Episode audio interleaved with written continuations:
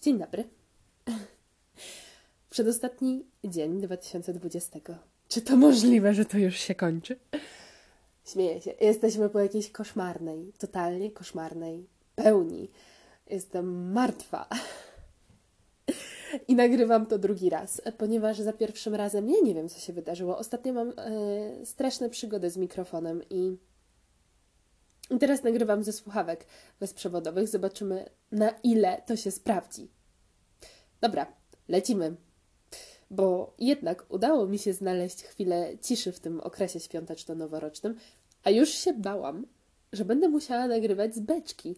Beczka to moje autko, z którym y, czuję się ostatnimi czasy bardzo zobowiązana spędzać mm, dużo, każdą, każdą wolną chwilę, bo niedługo odejdzie od nas i będzie trzeba się zaprzyjaźnić z nowym jeździdełkiem. Ale może o nadawaniu imion rzeczom kiedy indziej. Bo dziś wypada na to, że część druga podsumowania roku. O lekcjach, które dostaliśmy od życia w 2020. Wszyscy albo i nie. Dzisiaj czytamy ze skryptu, nie będę Was męczyć moim jąkaniem się, tylko tam jakieś delikatne freestyliki będę wtrącać w międzyczasie. Dobra, zatem co przyniósł 2020? Tak co miesiąc zaczynam wyliczankę w moim miesięczniku i słuchajcie, sprawdziłam. I wcale nie zapisałam mniej w tym roku niż w poprzednich. Zatem co przyniósł 2020? Lecimy. 2020 nauczył nas, żeby nie opierać swojego szczęścia na relacjach z innymi, bo to my jesteśmy fundamentem naszego szczęścia. Tak bym to porównała do tego, że zniknął cały puder. Wszystko, czym mogliśmy tuszować swoje myśli, bo zostaliśmy z nimi sam na sam. Hmm. Zaczęły liczyć się rzeczy, którymi ciężko jest się pochwalić, które ciężko pokazać na zdjęciu na Instagramie, rzeczy, które wymagają od nas siły mentalnej, zahartowania. Myślę też, że co po niektórzy nauczyli się pewnego rodzaju skrytości, jeszcze tak w kontekście mediów społecznościowych, nie pokazywania zmagań i rozkoszowania się tym, że inni nie widzą, jakie czynimy postępy, a potem nagle przychodzimy, bum, i patrz, co zrobiłem ze sobą, patrz, co zrobiłem ze swoim życiem.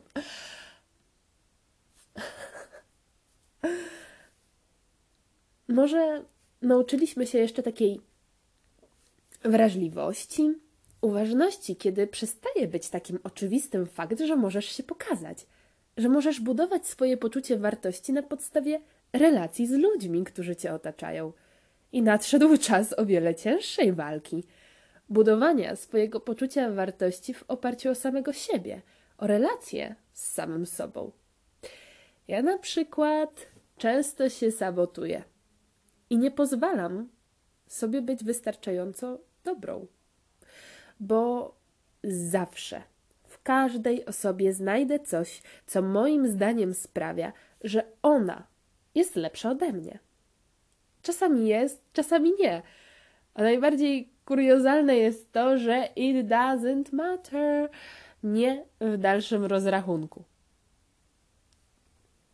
Myślę, że jeszcze jeśli chodzi o 2020, to bardzo mm, pasującymi epitetami będzie ciężki i groźny.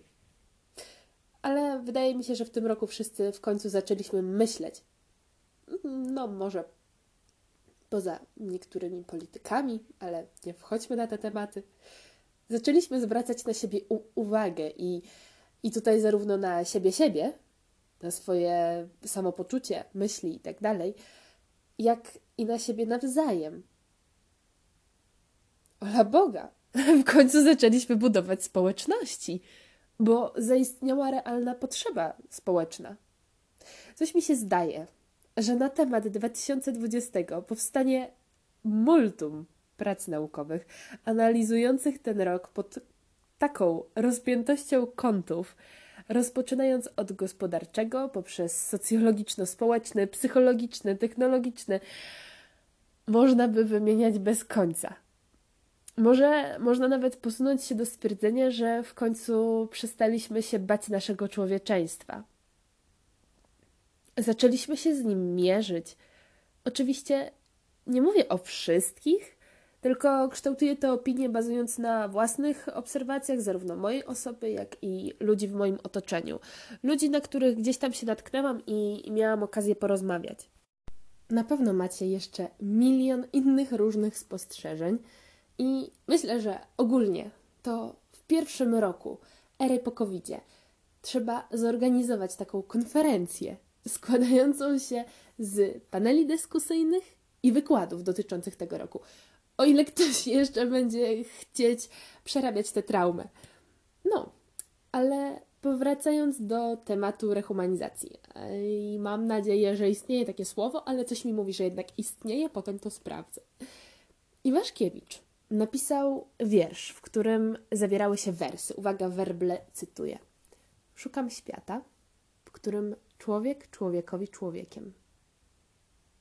Czy czujecie ten przekaz? Czy czujecie, jak genialnie zostało to ujęte? A przede wszystkim, czy znaleźliście ten świat? Czy może istnieją miliardy światów międzyludzkich i zawsze będą te zdehumanizowane i zrehumanizowane? Ale się czepiłam trudnych słów? Wybaczcie. Chyba tutaj należy bardzo, bardzo mocno wtrącić kilka słów o samotności. Skoro już było tyle o sile oddziaływania związanej ze świadomością tego, że gdzieś tam czeka na nas przyjaciel. O, przypomniało mi się. W którymś momencie rozsypki w zeszłym roku napisałam takie zdanie. Uwaga, werble cytuję ponownie, tym razem samą siebie. Podobno nie da się umrzeć, kiedy jest obok druga dusza współczująca. I wiedziałam, że gdzieś to zdanie mam, tylko nie wiedziałam gdzie. I tak oto, przygotowując się do odcinka, przetrząsnęłam wszystkie notatniki z 2019 i oczywiście, klasycznie, znalazłam na samym, samym końcu, w ostatnim zeszycie. Zatem samotność, którą znów tak łatwo było zagłuszyć, tak łatwo było wyciszyć. A teraz wszystko, proszę bardzo, kawa na ławę. Oto ty i tylko ty. I radź sobie ze sobą. Nie wiem, może istnieją ludzie, którzy jakimś magicznym sposobem nie odczuli jakoś bardzo drastycznie sytuacji epidemiologicznej. Tacy, na których nie wpływały wiadomości ze świata, sypiące się systemy gospodarcze, reportaże o kilkukilometrowych kolejkach do jadłodajni dla potrzebujących czy noclegowni, albo statystyki dotyczące osób ubiegających się o zasiłki dla bezrobotnych. A ci, którzy odcięli się od informacji, bo to też jest jakaś strategia obronna, czy nie zmagali się z kolejnymi ograniczeniami, jakie przed nimi wyrosły, z samotnością, z psotliwością myśli i zachowań? My gosh, jeśli tacy są, to szczerze im zazdroszczę. Albo może nie. Bo jednak to, że zostałam zmuszona do przebywania ze sobą samą w takich warunkach, nauczyło mnie bardzo dużo. Ukształtowało mnie w taki sposób, na który pewnie w normalnych warunkach nigdy by się nie zebrało, bo nie byłoby sposobności, nie byłoby czasu, nie byłoby zasadności. Ach, więc może wcale im tak nie zazdroszczę. Troszkę. Jednak wiem, że większość osób z mojego otoczenia przeżywała w tym czy innym momencie tornado emocjonalne, psychiczne.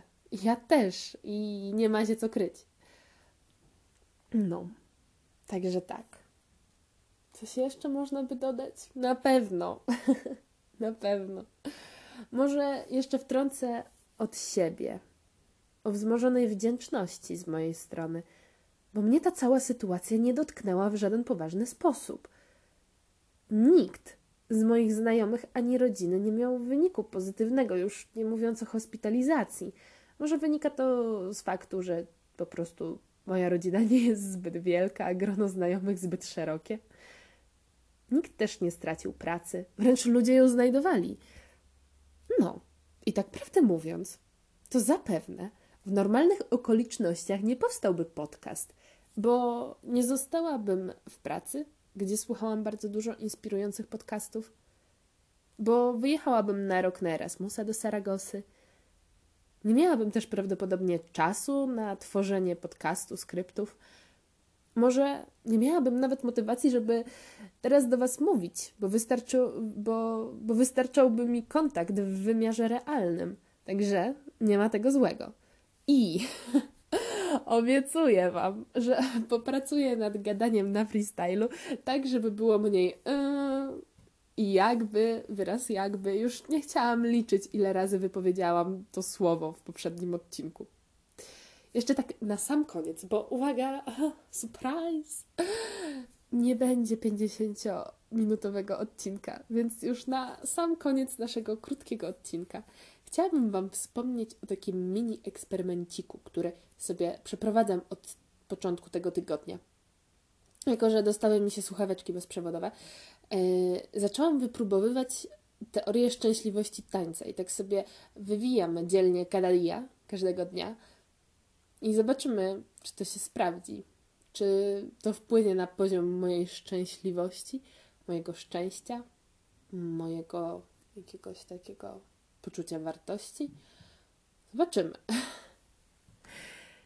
No, a teraz lecę, lecę na zakupy, bo muszę kupić jakieś dziwne rzeczy, w tym palemki. Psia psi do mnie zadzwoniła, żebym kupiła palemki do drinków, bo jak byłam rok temu na Majorce w Sylwestra na Ibizie, na Majorce na Ibizie, na Balearach na Ibizie, e, zadzwoniłam do niej i mówię, słuchaj, za rok pojedziemy gdzieś, będziemy sobie w Sylwestra leżeć na plaży pod palmami i sączyć drinka z palemką. trochę, trochę nie wyszło, ale kupię te palemki, żeby chociaż one były tak do drinków, nie? No. I muszę jeszcze kupić składniki na, na sałatkę mogę Wam sprzedać e, przepis, tylko kurde, gdzieś miałam tą kartkę, czekajcie. W ogóle to jest hit, że w końcu udało mi się nagrać, bo już trzy razy ktoś mi wchodził do pokoju i już prawie straciłam humor do nagrywania. No ale dobra. Sałatka, która rozwali system. Obiecuję. Kiwi, ananas, brzoskwinia, mango i granat. Pokrojone w kosteczkę drobniutką, skropione limonką i z miętą. O, to gwarantuje sukces. Po prostu tyle Wam powiem. To gwarantuje sukces. I jadę też dzisiaj polować na kawiarkę, która działa na indukcji, póki jeszcze jestem w Lublinie, e, bo potem mi się nie będzie chciało. Bo ja nie wiem, jak to działa, ale ja mam zajebistą łatwość wydawania pieniędzy, kiedy jestem w Lublinie. To dlatego, że mm, no, nie muszę w większości płacić na przykład za, e, za jedzenie, mm, za jakieś e, takie, no nie wiem, rozrywki. No tutaj teraz to nie ma żadnych rozrywek, ale jakby te koszty się zmniejszają i mi się wydaje, że to wpływa bardzo mocno na moją rozrzutność, więc jadę dzisiaj wydać dużo pieniędzy. Pomimo tego, że wszystkie sklepy są zamknięte, to i tak uda mi się wydać dużo pieniędzy. Na przykład właśnie na kawiarkę, e, która działa na indukcji. A potem otwieram e, kawiarnię na zaciszu chyba. Dobrze, lecę. Udanej zabawy jutro, nie dziś, jutro. I feliz año nuevo. Besos.